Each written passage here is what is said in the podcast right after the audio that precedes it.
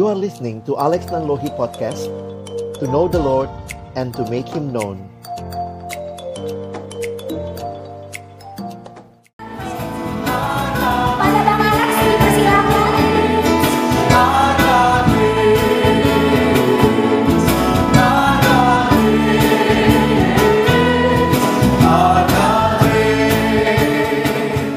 Benar ya Tuhan, Engkau sungguh bangkit, menang, Engkau hidup, dan itulah yang menjadi dasar kami. Hari ini bersuka cita, memuliakan namamu ya Tuhan. Kembali kami akan membuka firman-Mu. Kami mohon bukalah juga hati kami. Jadikanlah hati kami seperti tanah yang baik. Supaya ketika benih firman Tuhan ditaburkan boleh sungguh-sungguh berakar, bertumbuh, dan juga berbuah nyata di dalam kehidupan kami. Berkati baik hambamu yang menyampaikan firman, setiap kami yang mendengarkan firman. Tuhan tolonglah kami semua. Agar kami bukan hanya menjadi pendengar-pendengar firman yang setia. Tapi mampukan kami dengan kuat kuasa pertolongan dari rohmu yang kudus. Kami dimampukan menjadi pelaku-pelaku firman-Mu di dalam hidup kami. Bersabdalah ya Tuhan kami umat-Mu sedia untuk mendengar dan mentaatinya. Di dalam satu nama yang kudus, nama yang berkuasa, nama Tuhan kami Yesus Kristus yang bangkit dan menang itu. Kami menyerahkan pemberitaan firman-Mu. Amin. Shalom. Selamat Paskah teman-teman. Sudah bilang selamat Paskah sama kiri kanannya? Wah, selamat Paskah ya. Saya ingat selalu uh, dulu bangsa Gala bilang orang ingatnya biasanya selamat Natal ya. Kalau pasca jarang kita ucapkan. Natal itu kalau udah Januari pun ketemu teman belum ketemu Natalan. Eh selamat Natal ya. Kalau pasca kayaknya cuman pas paskahnya. Begitu ya. Padahal ini sangat membedakan iman kita dengan semua iman yang lain.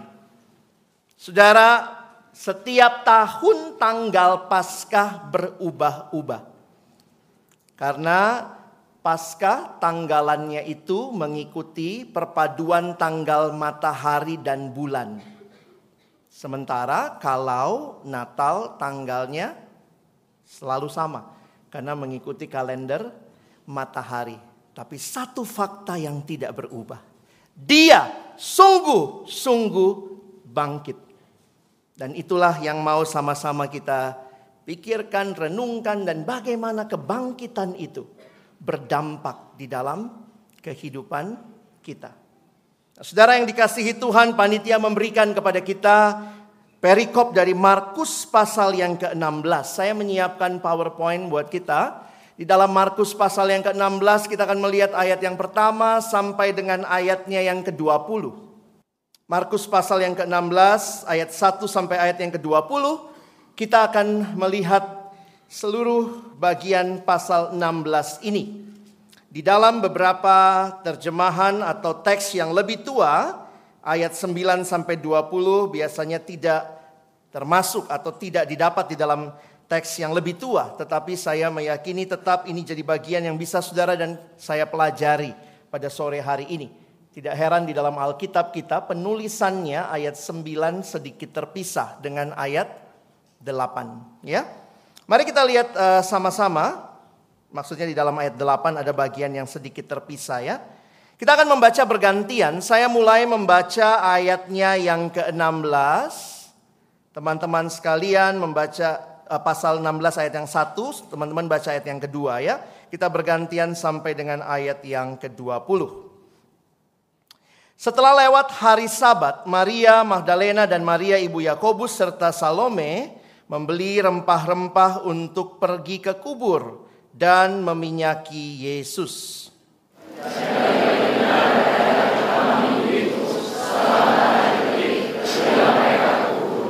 Mereka berkata seorang kepada yang lain, "Siapa yang akan menggulingkan batu itu bagi kita dari pintu kubur?"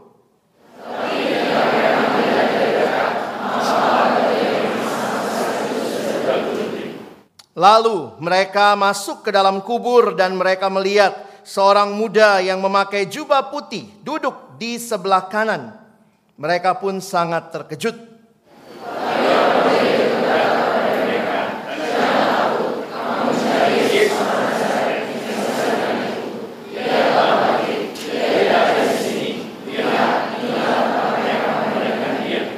Tetapi sekarang pergilah katakanlah kepada murid-muridnya dan kepada Petrus, ia mendahului kamu ke Galilea. Di sana kamu akan melihat dia seperti yang sudah dikatakannya kepada kamu.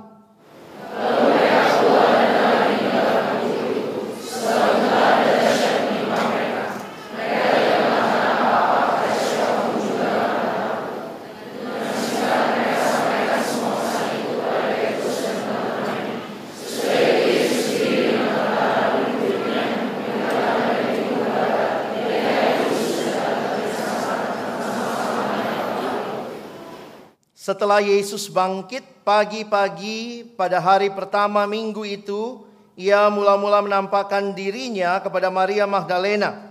Daripadanya, Yesus pernah mengusir tujuh setan.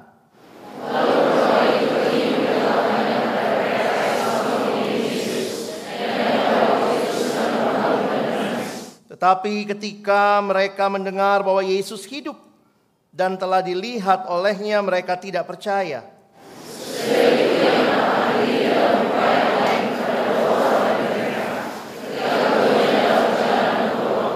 Lalu kembalilah mereka dan memberita, memberitahukannya kepada teman-teman yang lain, tetapi kepada mereka pun teman-teman itu tidak percaya.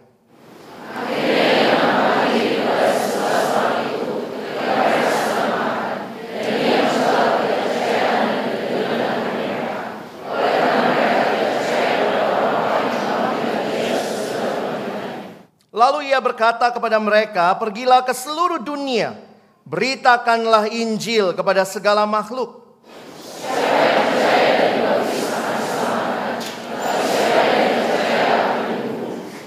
Tanda-tanda ini yang akan menyertai orang-orang yang percaya, mereka akan mengusir setan-setan demi namaku. Mereka akan berbicara dalam bahasa-bahasa yang baru bagi mereka.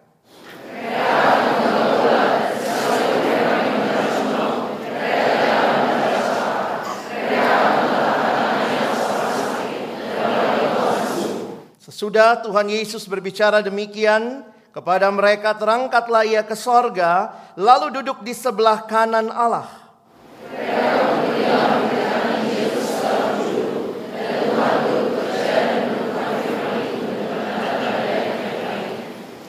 Saudara yang dikasihi Tuhan hanya dua Injil yang mencatat kelahiran Yesus. Matius dan Lukas. Injil Yohanes mencatat pra-eksistensi Yesus sebelum dia datang ke dalam dunia. Tetapi keempat kitab Injil mencatat kematian dan kebangkitan Yesus. Menjadi hal yang sentral di dalam iman kita ketika berbicara kematian dan kebangkitan Kristus. Semua pendiri agama, para nabi punya hari kelahiran semua pendiri agama punya hari kematian, tapi hanya Yesus yang punya hari kebangkitan. Dan itulah yang sama-sama kita rayakan di dalam iman kita. Nah, saudara, kita akan melihat secara khusus konteks Kitab Markus yang hari ini kita akan pikirkan bersama. Dan saya ingin memulai dengan menyatakan apa yang mengawali Injil Markus. Injil Markus dimulai dengan pernyataan inilah permulaan Injil tentang Yesus Kristus anak Allah. Sebagai kitab Injil tersingkat dan yang kemungkinan ditulis paling awal, Injil Markus memberitakan tentang Yesus Kristus. Siapakah Yesus Kristus? Kristus artinya Mesias yang diurapi. Dan ini menjadi satu hal yang penting kalau saudara melihat bagaimana Yesus dijelaskan, diceritakan di dalam Injil ini sebagai Mesias. Dan tulisan Markus ini dipercaya Dia menuliskan sumbernya adalah Rasul Petrus yang dekat dengan Markus. Kalau lihat 1 Petrus 5 ada tulisan di sana salam kepada kamu sekalian kata Petrus dari Markus anakku. Karena itu kalau saudara kembali melihat Markus menggambarkan Yesus sebagai pribadi yang bertindak.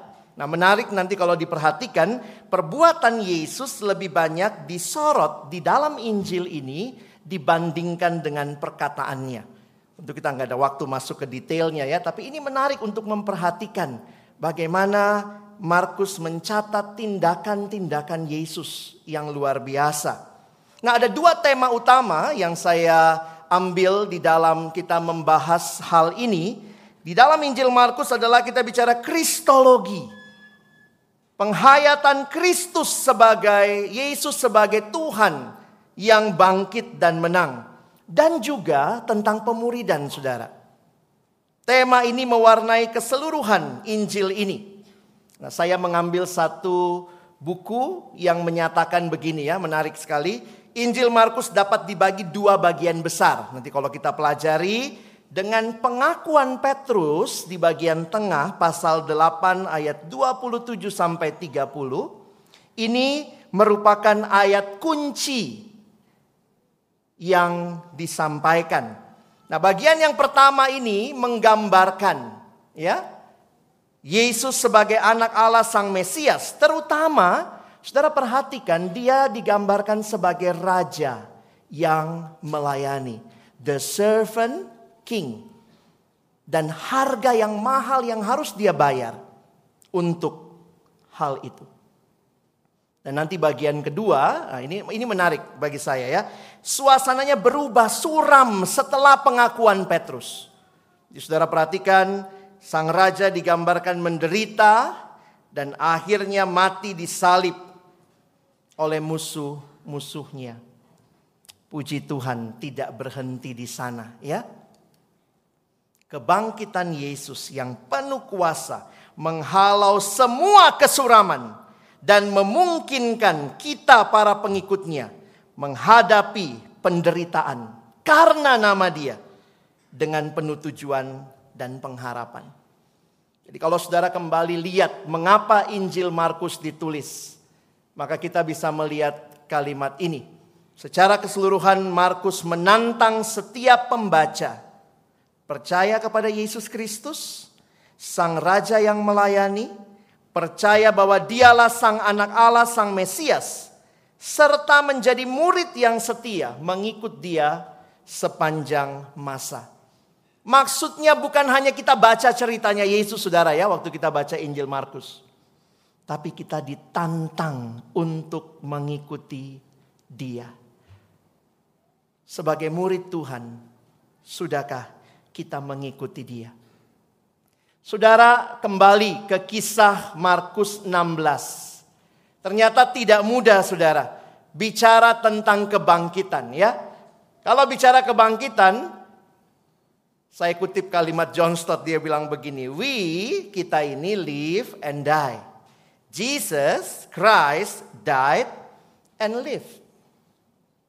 Saudara ada orang yang pernah dibangkitkan Yesus. Lazarus namanya. Tapi Lazarus mati lagi. Karena itu kebangkitan Yesus beda dengan kebangkitan Lazarus. Saudara, kebangkitan Kristus menjadi satu hal yang sulit awalnya untuk diterima oleh para murid. Tetapi ketika mereka mengalaminya, memahaminya, maka kelihatan dengan jelas ini sangat berbeda dengan semua hal yang lain. Saya akan membagikan empat hal dari ayat-ayat ini tentang kebangkitan Kristus yang saya rindu kita bawa pulang bersama. Yang pertama dan yang saya pikir jadi dasar segalanya. Kebangkitan Yesus adalah fakta historis.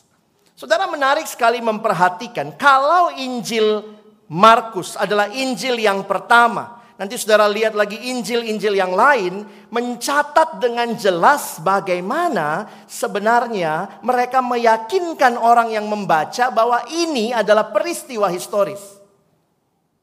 Saudara ada teori-teori tentang kebangkitan atau teori-teori yang tidak percaya, menolak kebangkitan. Saya daftarkan beberapa ya. Kalau kalian dengar radio semalam juga Pak Sagala sudah membahas beberapa ya. Yang pertama katanya Yesus tidak mati melainkan pingsan. Kita mah ketawa ya. Ya ampun, lu katanya apa? Bayangkan saudara, penderitaan, kalau saya suka apa ya, kalau putar filmnya udah gak berani lihat saya. Kemarin pelayanan Jumat Agung film ini diputar, saya cuma tunduk, saya bilang Tuhan, ngeri sekali. Udah begini bilangnya nggak nggak mati, pingsan doang. Hah? Mau coba? Saudara saya kadang-kadang mikir ngeri ya. Orang memang kalau nggak mau percaya Yesus bangkit ada-ada aja. Jadi memang kalau kita diskusi begitu ya. Beberapa bilang begini, itu kan dia mati duluan. Penjahat sebelahnya belum mati, siapa-siapa dia pura-pura mati. Setek. Habis pura-pura mati, kemudian nanti di, dikubur, udah dikubur, terus kemudian dia aduh bangkit. Saudara nanti perhatikan cara mencatat ya. Kalau perhatikan apa yang dialami, ini adalah penyiksaan yang paling mengerikan. Salib itu hukuman yang paling mengerikan atau salah satu hukuman yang paling mengerikan di zaman itu bahkan sampai zaman sekarang yang paling keji yang pernah ditemukan manusia di dalam sejarah. Kira-kira 200 tahun sebelum Yesus lahir, bangsa Romawi mengadopsi hukuman penyalipan dari kebiasaan bangsa Sumeria dengan dua tujuan. Pertama, mematikan, jelas. Tapi yang kedua adalah mempermalukan orang yang disalibkan itu. Karena itu warga negara Roma tidak disalib. Warga negara Roma hukuman matinya di dipenggal. Sejarah mencatat Petrus, Yesus, orang Yahudi bukan warga negara Roma, mereka disalib. Tetapi Paulus, orang Yahudi, warga negara Roma, matinya dipenggal. Sebelum orang disalib, perhatikan, ada yang namanya penyesahan. Di Alkitab kita cuma tulis satu kata, Yesus disesah. Tetapi film Passion of the Christ menjelaskan dengan detail akan hal itu. Di dalam bahasa Inggris dipakai istilah flogging. Apa itu? Dia akan diikatkan seperti gambar yang kita lihat. Lalu dengan cambuk Romawi yang begitu tajam ujungnya dikasih tulang-tulang, dikasih logam. Kalau saudara masih ingat film Passion of the Christ, Saudara lihat dicoba pertama kali di mana? Di meja. Pak! Tarik! Ngeri sekali. Saya pelajari itu sebelum nonton film Passion of the Christ. Ada satu buku, buku lama saya ketemu di perpustakaan di Keramat 7. Saya pinjam, saya lupa sampai sekarang belum balikin tuh ya. Saya ingat tuh. Aduh tiba-tiba ingat ya. Saudara, buku itu sudah ada di judulnya Salib Yesus. Saya baca itu waktu saya masih mahasiswa. Saya salah satu uh, anggota Perpus Bang, ya. Dulu Bang Sagala dorong kita jadi anggota Perpus dan saya itu datang pinjem buku. Dan waktu itu buku itu dengan ejaan lama menceritakan detail penyalipan Yesus. Kalian cari ya buku itu sudah diterjemahkan lagi atau dicetak baru judulnya Salib Yesus. Jelas sekali digambarkan. Cambuk Romawi itu kalau dipukul begitu, ditarik itu dagingnya ikut. Gambarannya itu orang bisa seperti punggungnya kayak bubur saudara. Itu gambarannya. Kenapa? Karena kalau langsung disalib, tidak melalui penyesahan, bayangkan orang itu bisa tergantung secara sadar dan itu bisa satu minggu katanya. Kalau segar bugar, contoh ya, gimana nih mau Misalnya habis nge-gym langsung disalib begitu ya. Itu masih bisa seminggu tuh. Makanya harus disesah dulu supaya banyak darah yang keluar. Saudara ada dua kemungkinan kematian di kayu salib. Pertama karena kehabisan darah. Dan kalau orang sangat kehabisan darah dia akan merasa haus yang luar biasa. Tapi yang kedua kemungkinannya adalah karena kehabisan nafas. Kesulitan bernafas. Jadi kalau kita lihat berat badan yang tertarik, saya juga baru ngeh gitu waktu baca buku itu, baca buku Lee Strobel, dia menggambarkan kita itu bisa bernafas nyaman karena diafragma kita rata. Tapi kalau kita tergantung, nanti coba pulang ya, gantung, terus coba napas. Itu sulit teman-teman. Cara terbaik adalah mendorong tubuh ke atas, Jadi bayangkan ini yang mungkin Yesus lakukan di kayu salib yang pasti kemungkinan besar dia lakukan dia dorong tubuhnya ke atas, diafragmanya rata, dia tarik napas lalu jatuh lagi karena gravitasi yang ke bawah. Berulang-ulang. Tidak heran, cara mempercepat kematian waktu itu kakinya dipatahkan supaya dia tidak bisa lagi dorong tubuhnya ke atas.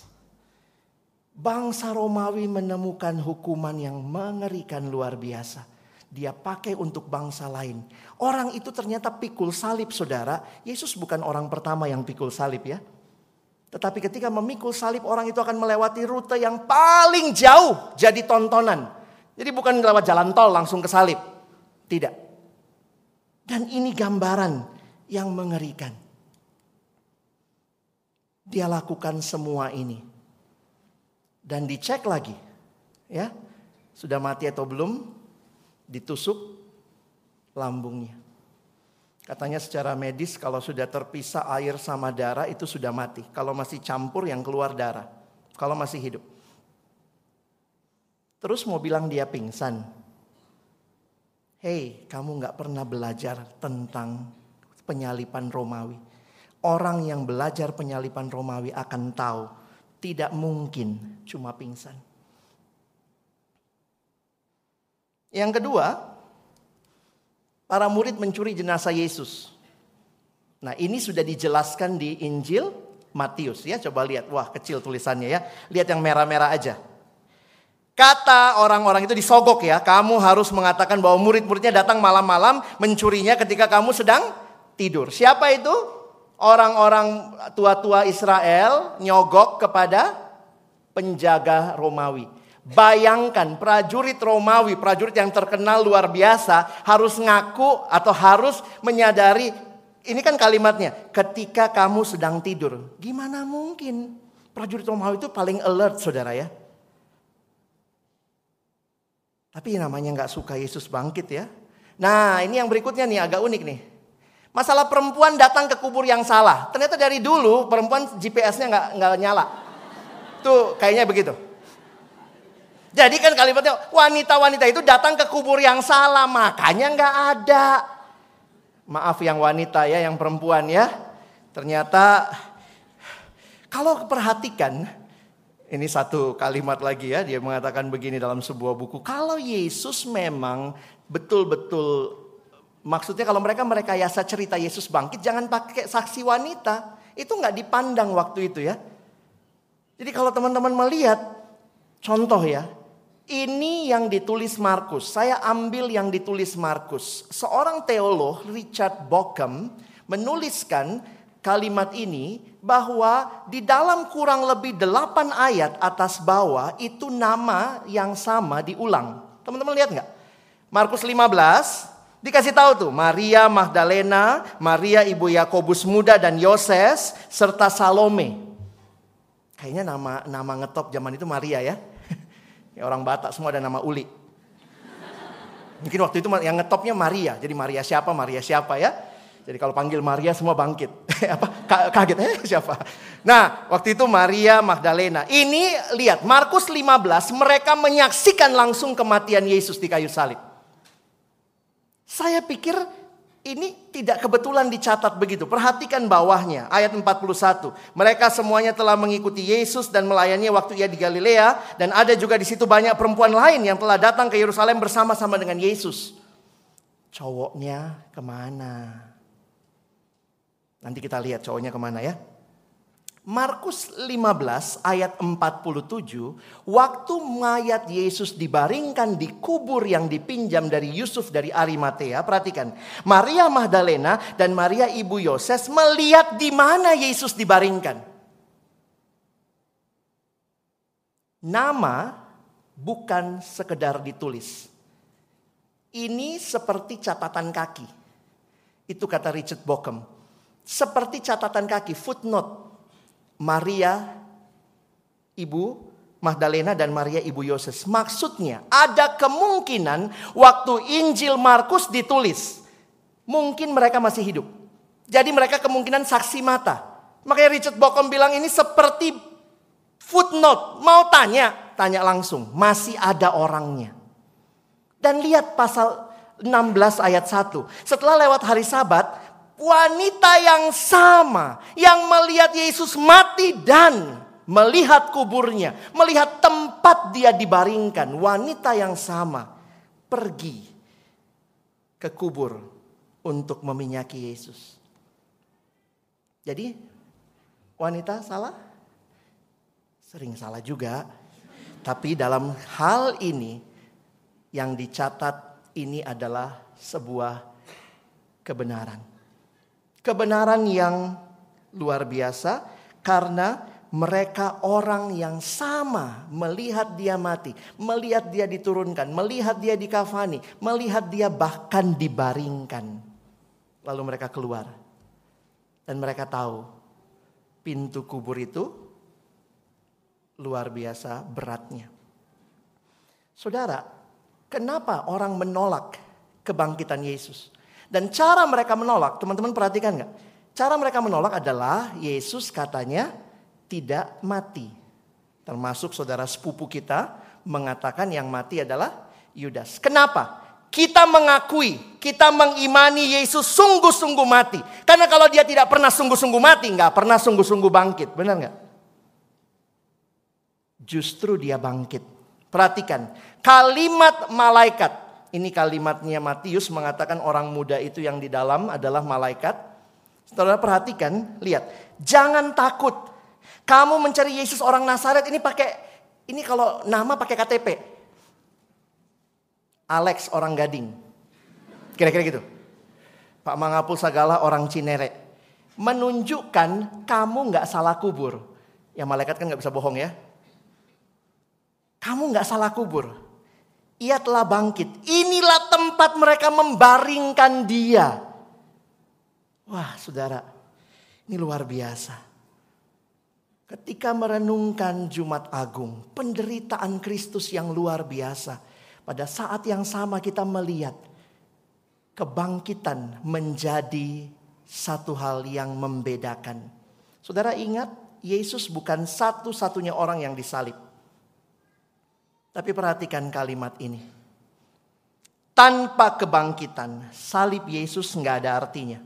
Justru karena dia bangkit, maka karya salib itu, penderitaan yang begitu luar biasa yang bisa kita lihat tergantung di sana, mempunyai makna dalam hidup kita. Jumat Agung tidak pernah jadi agung tanpa Minggu Paskah.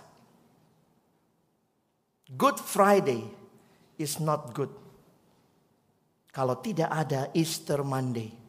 Kalau Minggu Paskah tidak ada, itu bukan Jumat Agung, saudara. Itu Jumat paling sial sepanjang sejarah. Ada orang mati, dia pikir dirinya juru selamat dan nggak pernah bangkit. Tetapi karena dia bangkit, menunjukkan karya salib itu sungguh-sungguh karya yang Tuhan terima.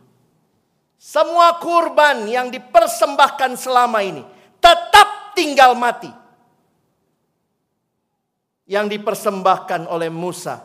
Di padang gurun Israel berulang-ulang mempersembahkan semua kurban, tidak ada yang hidup lagi. Kalau ada yang hidup lagi lari kali yang mengorbankannya. Tapi Yesus bangkit menunjukkan inilah korban yang Allah terima. Yesus mengatakan, "Akulah kebangkitan dan kebangkitan mengubahkan segala-galanya. Teman-teman, kebangkitan bukan ilusi, ini fakta. Dan fakta ini yang ditegaskan di dalam kitab Injil ini. Siapa yang kau cari? Yesus yang mati? No, dia tidak di sini. Kalau teman-teman katanya sudah pernah ke Yerusalem atau ke tanah suci kita, abang sudah ya? Di Garden Tomb itu saya lihat fotonya tulisannya di pintu itu dia tidak ada di sini. Itu pintu kubur Yesus yang ada dua versi sih ya. Ini kuburnya terus saya lihat gambarnya dikasih tahu dia tidak ada di sini, dia sudah bangkit. Jadi sebenarnya wisata kita juga bingung ke sana ya. Makanya ada satu hamba Tuhan bilang begini, puji Tuhan loh Pak. Kenapa saya bilang puji Tuhan? Ada dua ada dua kemungkinan kubur Yesus. Waktu mereka berantem-berantem soal kubur, dua kemungkinan itu objek turis. Kita bilang apa? Dia tidak di situ. Itu iman kita ya. Jadi nggak apa-apa saudara silakan kalau punya uang lebih gitu ya datang ke tanah suci. Tapi kamu nggak akan pernah bisa foto sama tubuh Yesus ya. Kamu mau selfie sama tubuh Yesus, dia tidak di sini. Dia sudah bangkit. Kalau engkau masih ragu, hari ini punya keyakinan. Dia sungguh-sungguh mati dan dia sungguh-sungguh bangkit. Yang kedua, kebangkitan Kristus menegaskan kemenangannya di kayu salib. Teman-teman saya cukup lama mikirin ini. Ada satu kalimat dari sebuah buku yang menyentak saya. Kita suka mikirnya begini, Yesus mati itu dia kalah dulu. Lalu dia dia bangkit, dia menang. Kayak main game ya. Kalah dulu, skornya kosong-kosong, lalu Yesus bangkit ya. Tetapi ketika mempelajari lebih dalam, saya melihat justru kemenangan itu dicapai di kayu kayu salib. Waduh ini maaf kecil lagi ya. Lihat deh yang diitem-itemin. Ini tes mata ya, yang di belakang kalau minus maju. Ditiadakannya dengan memakukannya pada kayu salib ayat 15 ia telah melucuti pemerintah-pemerintah, penguasa-penguasa dan menjadikan mereka tontonan umum dalam kemenangannya atas mereka.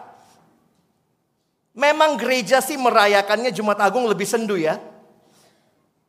Tapi jangan lupa, kemenangan itu juga telah terjadi.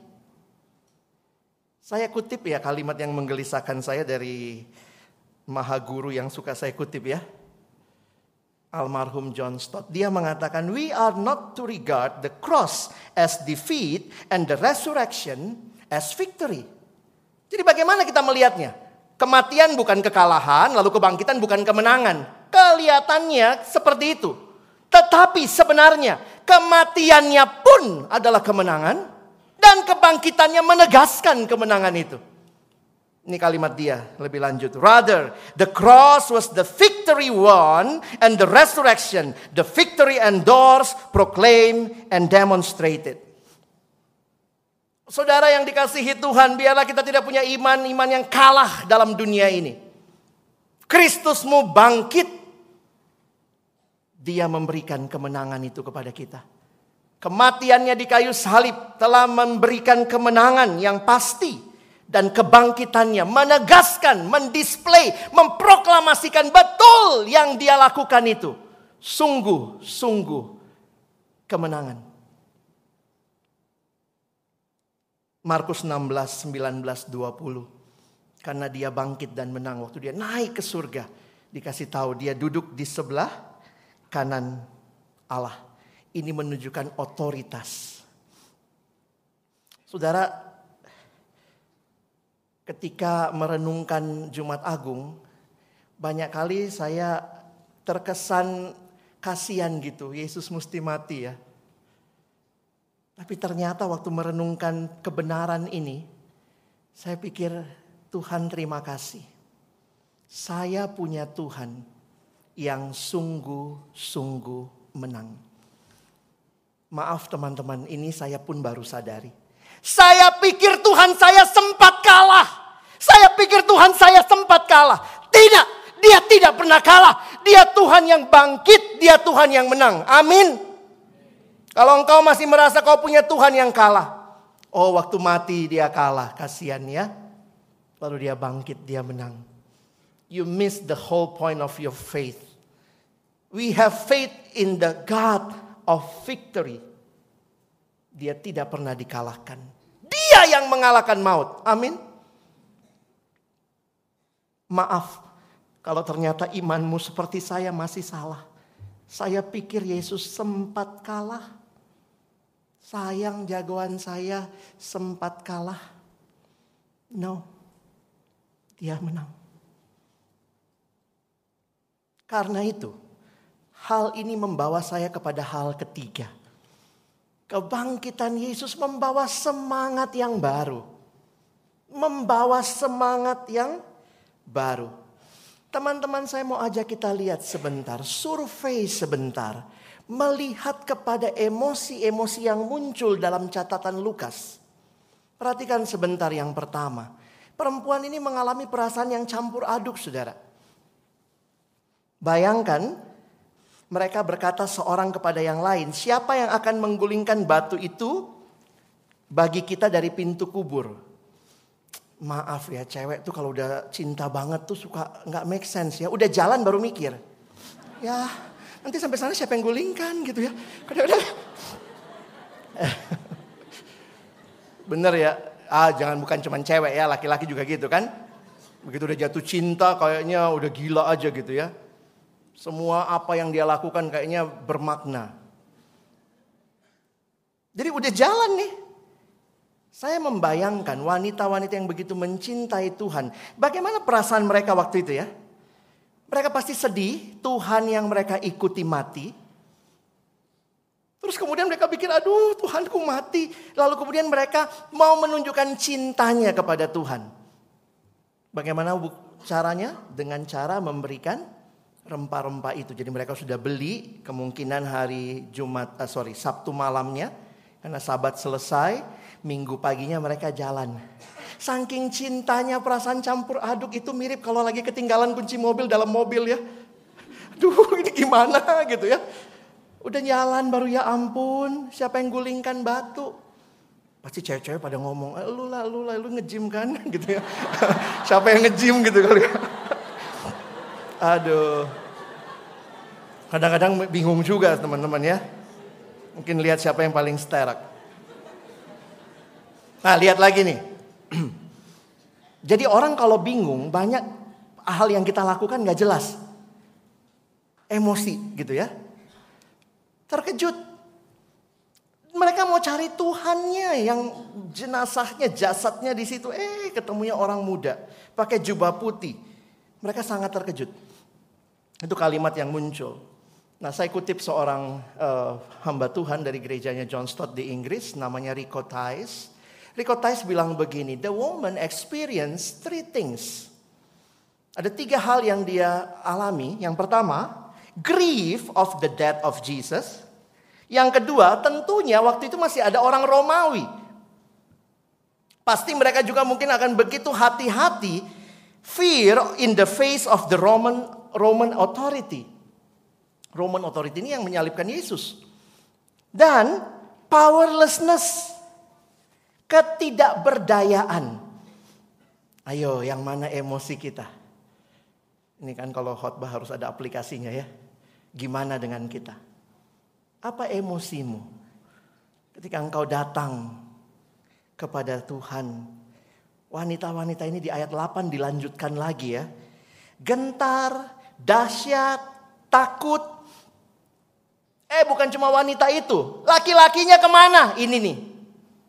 Sedang berkabung dan menangis. Ini receh banget ya. Bener deh, saya waktu baca ini, ya ampun. Woi cowok, bangkit. gitu ya. Di PMK yang angkat keyboard cewek. Di udah udah nggak bener ini. Saya pernah soalnya, maaf ya saya cerita sedikit ini kesaksian ya. Betul, cewek-ceweknya gulung kabel angkat keyboard, cowoknya selfie-selfie di depan. Saya nggak usah sebut fakultas mana. Saya sampai bingung nih orang-orang nggak tahu diri banget gitu ya. Tapi ya ini, ini emosi ya. Pria mungkin lebih takut karena mereka terlihat ikut Yesus terus. Wanita mungkin prajurit Roma juga agak takut ganggu-ganggu ya. Tante-tante apa loh gitu kali ya. Saya nggak tahu deh, nggak kebayang deh abang ya. Tapi kalau yang yang wanita pasti, karena prianya hampir selalu hiding ya. Kumpul di ruang tertutup, kumpul di ruang tertutup. Mungkin kalau masuk pakai password. Murid Yesus mengalami kesedihan yang mendalam. Udah begitu, mereka dikasih tahu Yesus bangkit telah dilihat, mereka tidak percaya, murid-murid juga tidak percaya. Lalu dikasih tahu lagi nanti, ini kan perempuan ya. Bayangkan tuh, perempuan-perempuan itu ngasih tahu. Memang beberapa tafsiran mengatakan satu perempuan Maria kasih tahu, mereka nggak percaya. Lalu perhatikan di bawahnya, ini orang yang dua orang di perjalanan, kemungkinan itu yang di Emmaus. Itu udah ngasih tahu juga nggak percaya juga. Jadi saya bisa bayangkan kesedihan macam apa yang sampai berita bagus aja nggak dipercaya.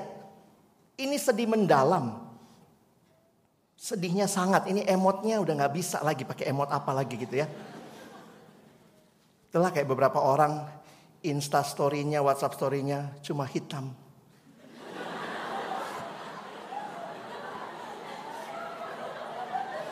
Itu anak sekarang begitu ya. Saya sih bahas. Kalau kalian kan nih udah hitam lalu kemudian di bawahnya no caption needed. Wih, sedih banget. Gitu. Aduh, kalau ingat begitu ya. Ah. Teman-teman, saya kalau pikir Yesus ya, Yesus nggak langsung datang, Yesus nggak langsung datang lalu kasih semangat, cheer up, Yesus muncul, jreng, enggak. Yesus mencela ketidakpercayaan mereka. Di sini saya melihat Yesus serius dengan percaya. Teman-teman lihat. Yesus menegur murid-muridnya karena ketidakpercayaan dan kedegilan hati mereka. Yang tidak mau percaya pada saksi. Kenapa ditulisnya begitu? Coba lihat di Alkitabmu. Ditulisnya itu kalau di Alkitab bahasa Indonesia itu tidak percaya, lalu di bawahnya lagi tidak percaya. Itu kelihatan dengan jelas ya. Nah saya kutip satu tafsiran dari Bapak Robert Salomon. Dia mengatakan dalam kitab suci satu perkara itu dianggap sah kalau dua atau tiga saksi. Nah ini sudah tiga orang, dua satu wanita, dua murid pria. Tetap nggak percaya. Itu ngeri ya.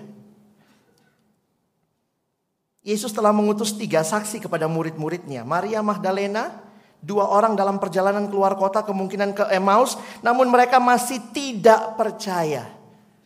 Saudara, saya mikir gini, kalau Yesus milih dan mereka dibiarkan, udahlah, nggak mau percaya, terserah. Lalu Yesus naik ke surga. Selesai iman kita. Tapi di sini saya melihat Tuhan sangat-sangat peduli dengan apa yang jadi emosi kita, perasaan kita, kedegilan hati kita. Tuhan kita adalah Tuhan yang mau menjawab pergumulan kita. Tuhan menampakkan diri kepada sebelas murid.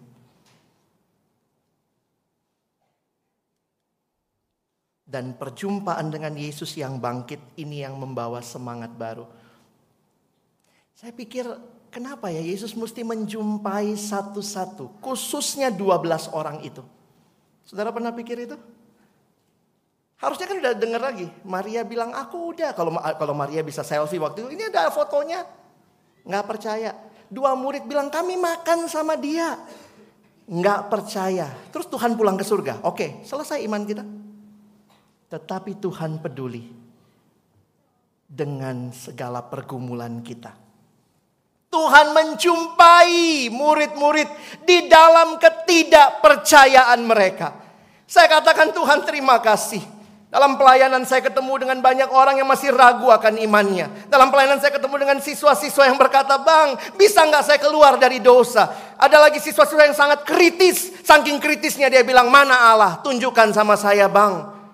Tapi satu keyakinan melihat apa yang Yesus lakukan. Tuhan peduli dengan setiap kepedihan, pergumulan, hati, pertanyaan kita. Apa yang paling mengerikan mungkin yang kita tanyakan. Tapi Tuhan mau menjawabnya. Pertanyaannya kita membuka hati nggak untuk kehadirannya? Banyak kali Tuhan mungkin sudah menyatakan. Kita yang tidak memberi diri untuk terbuka kepada Dia. Dan saudara yang dikasihi Tuhan, perjumpaan dengan Kristus yang bangkit ini membawa semangat baru. Semangat yang mentransformasi hidup para murid. Kalau mau ditanya apa bukti kebangkitan, saya kutip kalimat John Stott lagi. Perhaps the transformation of the disciples is the greatest evidence of all for the resurrection. Apa yang kamu lihat dengan hidup para murid, itulah bukti kebangkitan. Waktu Yesus mati, hati mereka sangat hancur. Mereka bingung, mereka ketakutan. Tetapi kurang lebih dua bulan kemudian, mereka bahkan keluar dari persembunyiannya penuh dengan sukacita, penuh dengan keyakinan, penuh dengan keberanian. Lalu dia lanjutkan, what can account for this dramatic transformation. Kenapa bisa terjadi transformasi ini? Dan John Stott menjawab, only the resurrection together with Pentecost which followed soon afterwards. Saudara mengalami karya Kristus yang bangkit. Lalu kemudian perhatikan, Roh Kudus turun pada waktu Pentakosta. Saya melihat karya Allah Tritunggal yang genap. Ini yang membawa semangat dalam hidup kita. Engkau dan saya kenal siapa Allah kita. Teman-teman saya tidak menjanjikan sore hari ini khotbah tentang semangat tanpa pergumulan. Mari kita semangat ikut Tuhan. Tapi nggak punya pergumulan. Kadang-kadang justru untuk menikmati semangat itu, menjalani semangat itu ada harga yang harus dibayar. Semangat bukan tanpa pengorbanan. Karena apa? Yesus yang memberikan semangat itu telah menunjukkan jalan pengorbanan. Pertanyaannya di mana engkau dan saya lagi taruh cinta kita? Saya setuju banget dengan kalimat you are what you love. Kalau kamu cinta uang, maka kamu akan semangat lihat uang, benar nggak?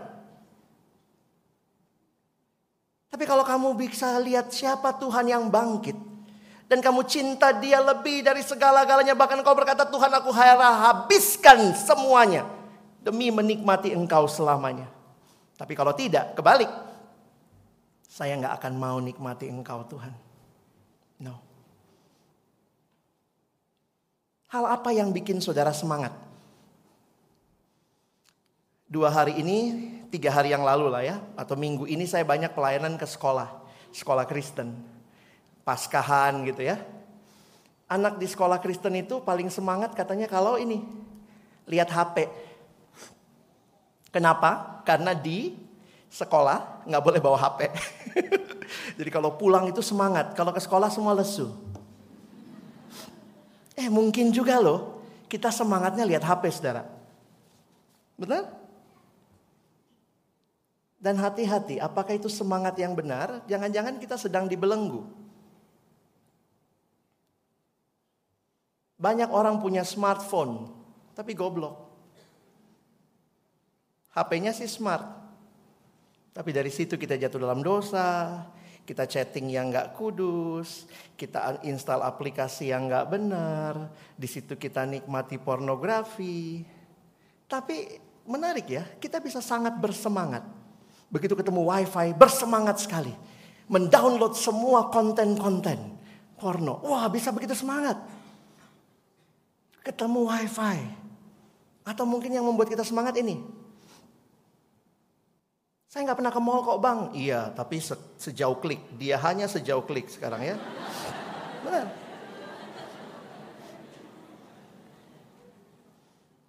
Kalau doa mesti doanya mulai spesifik. Tuhan berkati mata kami dan jari-jari kami. Untuk mengklik apa yang perlu dan apa yang membuang yang tidak perlu. Atau mungkin yang kita merasa bersemangat kalau lihat ini. Drakor. Wah, ini semangatnya luar biasa. I'm so tired but I can't stop watching. Oh, oma, opa, uh, sarang semut, sarang tawon.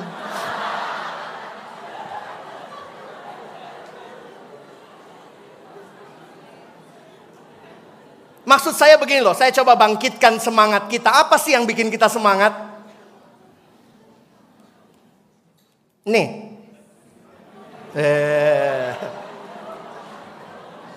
Nggak ada yang salah nonton drakor ya, nggak ada yang salah dengan main game. Yang salah adalah ketika engkau sudah kecanduan. Ngeri kan? Kita semangat sekali menunggu waktu-waktu sepi untuk mengakses pornografi. Oh saudara, banyak orang bisa semangat di dalam dosa yang membelenggu. Begitu punya sakit hati, ngomonginnya enak ya. Ketemu teman, eh lo tau nggak, gue diginiin kemarin. Wah, bersemangat sekali. Kalau gue ketemu dia, hm, jangan harap gue lihat dia. Hm. Buang muka. Saudara, 2000 tahun yang lalu, Yesus menggantikan semua itu. Saya kutip sedikit Paulus ya. Karena Paulus ketemu dengan Tuhan yang hidup. Waktu dia ketemu dengan Tuhan yang hidup, saudara nanti bisa baca. Ini kalimatnya. Paulus bangkit dan mengalami hidup yang baru, hidup yang diubahkan. Bagaimana Paulus menghayati hidupnya yang baru itu?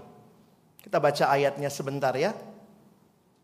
Cara dia menghayatinya menarik. Roma 6 dia katakan, ayat 10 kita lihat ya. Sebab kematiannya, berarti kematian Yesus adalah kematian terhadap dosa. Satu kali dan untuk selama-lamanya. Dan kehidupannya adalah kehidupan bagi Allah.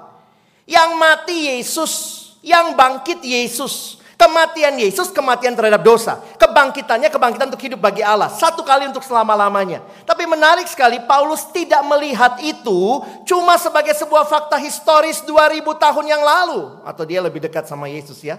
Beberapa tahun sebelumnya. Saudara kita semua bisa ngomong, Yesus mati. Kita bisa ngomong, Yesus bangkit. Tetapi ketika kita mengalaminya, kita akan bisa berkata, Yesus mati bagiku Yesus bangkit bagiku. Ini pengalaman iman. Semangat itu saudara dan saya tidak dapat dari ciptaan. Kita tidak dapat semangat untuk hidup dari hal-hal yang terbatas. Kenapa? Karena selalu ada batasnya.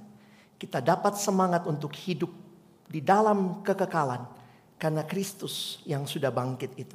Dia mati terhadap dosa, dia bangkit. Perhatikan ayat 10, uh, 11-nya ya, kita baca sama-sama. Satu, dua ya. Demikianlah hendaknya kamu memandangnya, bahwa kamu telah mati bagi dosa. Menarik saudara ya. Mati bagi dosa, Yesus mati, kata Paulus, aku pun sekarang mati bagi dosa. Yesus bangkit, aku pun sekarang hidup. Sekarang hidupku bagi bagi Allah. Saudara, ketika engkau buka hati terima Yesus, mengalami kebangkitannya, kuasa kebangkitan itu akan membawa transformasi dalam hidupmu. Jangan minta semangat asal-asalan. Kita nggak semangat cuman karena lihat sesuatu yang ada dan terbatas. Semua wilayahnya ciptaan saudara. Dan justru karena dia bangkit, ada pengharapan. Saudara, kebangkitan Kristus memberikan pemahaman kepada saya bahwa Dia akan datang membaharui semuanya. Saudara punya keyakinan itu? Semangat mengerjakan? Ketika saudara ada dalam bidang hukum, saudara memperjuangkan keadilan. Saudara punya keyakinan, the, best is yet to come. Dia akan datang. Dia akan memerintah dengan adil. Dia akan menegakkan keadilan. Itu pengharapan buat saudara yang ada dalam bidang hukum. Itu memberikan semangat. Bagi saudara yang ada di dalam bidang ekonomi. Memperjuangkan kesejahteraan. Saudara yang ada di bidang pendidik, uh, pendidikan. Memperjuangkan karakter moralitas. Saudara yang ada dalam bidang kedokteran. Memperjuangkan kesehatan. Dan kita meyakini the best is yet to come. Itu memberi semangat yang baru. Dan terakhir saudara Kebangkitan Yesus mendorong pemberitaan Injil. Saya langsung kutip ayat pertama, ayat 15. Lia berkata kepada mereka, pergilah ke seluruh dunia, beritakanlah Injil kepada segala makhluk. Ini kalimat dari Bapak Robert Solomon. Yesus kemudian memerintahkan murid-muridnya dan kita semua Pergilah ke seluruh dunia, beritakanlah Injil kepada segala makhluk dengan meyakinkan mereka bahwa siapa yang percaya dan dibaptis akan diselamatkan, tetapi siapa yang tidak percaya akan dihukum. Yesus berjanji memberi para murid tanda-tanda ajaib, kuasa untuk mengusir setan, berbicara dalam bahasa-bahasa yang baru, memegang ular dan minum racun maut tanpa mendapat celaka, dan menyembuhkan orang sakit. Nah ini Tafsiran ini menarik. Beberapa tanda ajaib itu terjadi tidak lama kemudian. Di mana? Kisah para rasul. Tetapi, nah ini kata Pak Robert Salomon ya, rektornya Pak Sagala dulu. Tetapi tampaknya bukan sesuatu yang selalu harus ada. Kadang Tuhan mengizinkan ada tanda-tanda ajaib yang menyertai, tetapi di waktu yang lain mungkin tidak ada tanda ajaib. Tanda yang paling ajaib di dalam pemberitaan Injil adalah ketika ada hati yang bertobat kembali kepada Tuhan. Saudara, semangat itu kita pakai untuk apa? Kalau kita dapat semangat dari yang kekal, pakailah semangat itu mengerjakan hal yang kekal. Pemberitaan Injil menjadi kunci kegerakan pelayanan perkantas.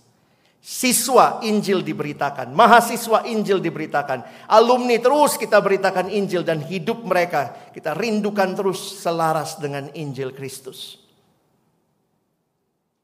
Semangat itu jangan dipakai hanya untuk mengejar hal-hal yang sementara.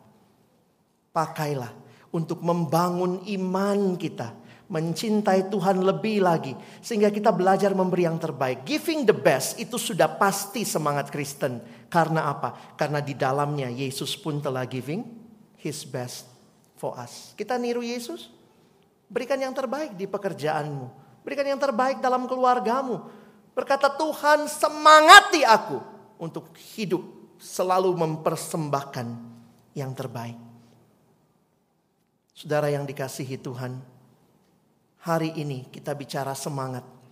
Tapi saya rindu kita pulang bukan cuma teori semangat itu yang kita bawa. Saya tutup dengan sebuah kesaksian. Beberapa kali saya baca dan ceritakan cerita ini. Ini cerita tentang seorang anak umur 12 tahun 6 SD. Diajarin sama guru sekolah minggunya untuk PI. Anak 6 SD diajarin PI sama gurunya. Guru sekolah minggu bilang kamu mesti rajin PI. Ah, tapi saya nggak tahu mau ngomong apa. Anak wanita ini dikasih traktat nih. Kamu bagi-bagi traktat ya. Kalau ketemu orang bagiin traktat. Bilangnya apa? Bilang Yesus sudah bangkit. Mau percaya? Ini traktatnya gitu ya. Jadi anak itu kemudian dia keluar dan dia bawa beberapa traktat dengan gembira seorang anak wanita yang baru diajarkan di sekolah minggu untuk PI. Yesus sudah bangkit, mau percaya? Ini ini traktatnya gitu ya. Dan saudara, dia bagikan ke beberapa orang, tiba-tiba dia ketemu satu bapak-bapak tua yang ternyata tidak suka dengan iman Kristen. Jadi ketika anak itu bertanya, berkata, Pak, Yesus sudah bangkit. Ini ada traktat, saya rindu Bapak membacanya. Dia bilang, apa bangkit-bangkit? Mana Yesusmu yang bangkit itu? Apa buktinya kalau dia bangkit?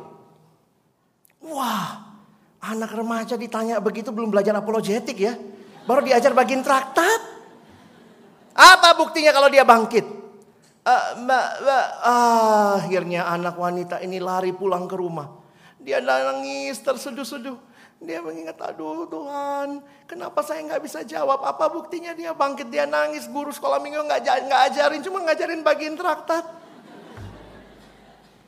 Tiba-tiba dia ingat, dia ingat lagu sekolah minggu yang dia nyanyikan bersama teman-temannya pada waktu Minggu Paskah. Lagu itu mengatakan begini.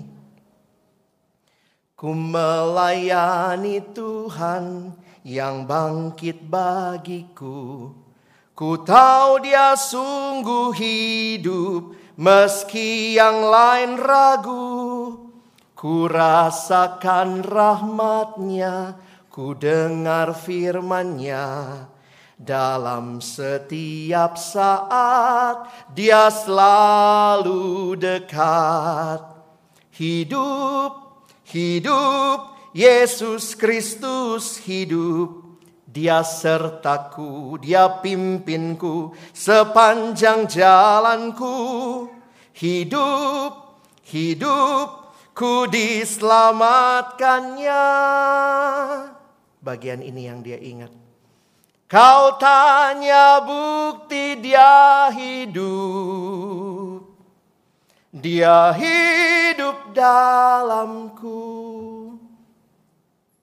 Kau tanya bukti dia hidup. Dia hidup di dalamku. Ketika saudara dan saya mengalami pasca. Semangat itu kita alami. Untuk mengerjakan pekerjaan-pekerjaan Allah dalam seluruh keberadaan kita. Supaya ketika orang bertanya, mana Yesusmu yang bangkit? Kau tanya bukti dia hidup? Dia hidup di dalamku. Selamat Paskah. Tuhan Yesus memberkati kita. Mari kita berdoa. Bapa di dalam surga kami bersyukur. Kebangkitan Kristus bukanlah sebuah kebohongan, melainkan fakta historis. Kami mau belajar, percaya. Terima kasih Tuhan karena kebangkitanmu menegaskan kemenangan yang kau capai di kayu salib. Kami punya Tuhan yang menang, Tuhan yang tidak pernah kalah. Karena itu kami mau bersyukur dan terima kasih kebangkitanmu membawa semangat baru. Tuhan tolong kami mengalaminya. Dan Tuhan kebangkitanmu mendorong kami memberitakan Injil. Tolong kami taat. Ketika pelayanan siswa, pelayanan mahasiswa, pelayanan alumni berhenti memberitakan Injil. Sebenarnya kami sedang bermain-main dengan hidup yang kau berikan. Tetapi gairahkan kami kembali Tuhan. Supaya makin banyak siswa, mahasiswa, alumni yang mengalami perjumpaan dengan Tuhan.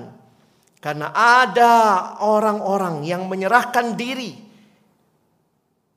di pelayanan siswa, di pelayanan mahasiswa, di pelayanan alumni yang benar-benar mengalami semangat yang dari Tuhan untuk mengerjakan pelayanan yang mulia, yang agung ini. Tuhan tolong kami. Ketika kami pulang dari tempat ini kami membawa semua itu di dalam diri kami.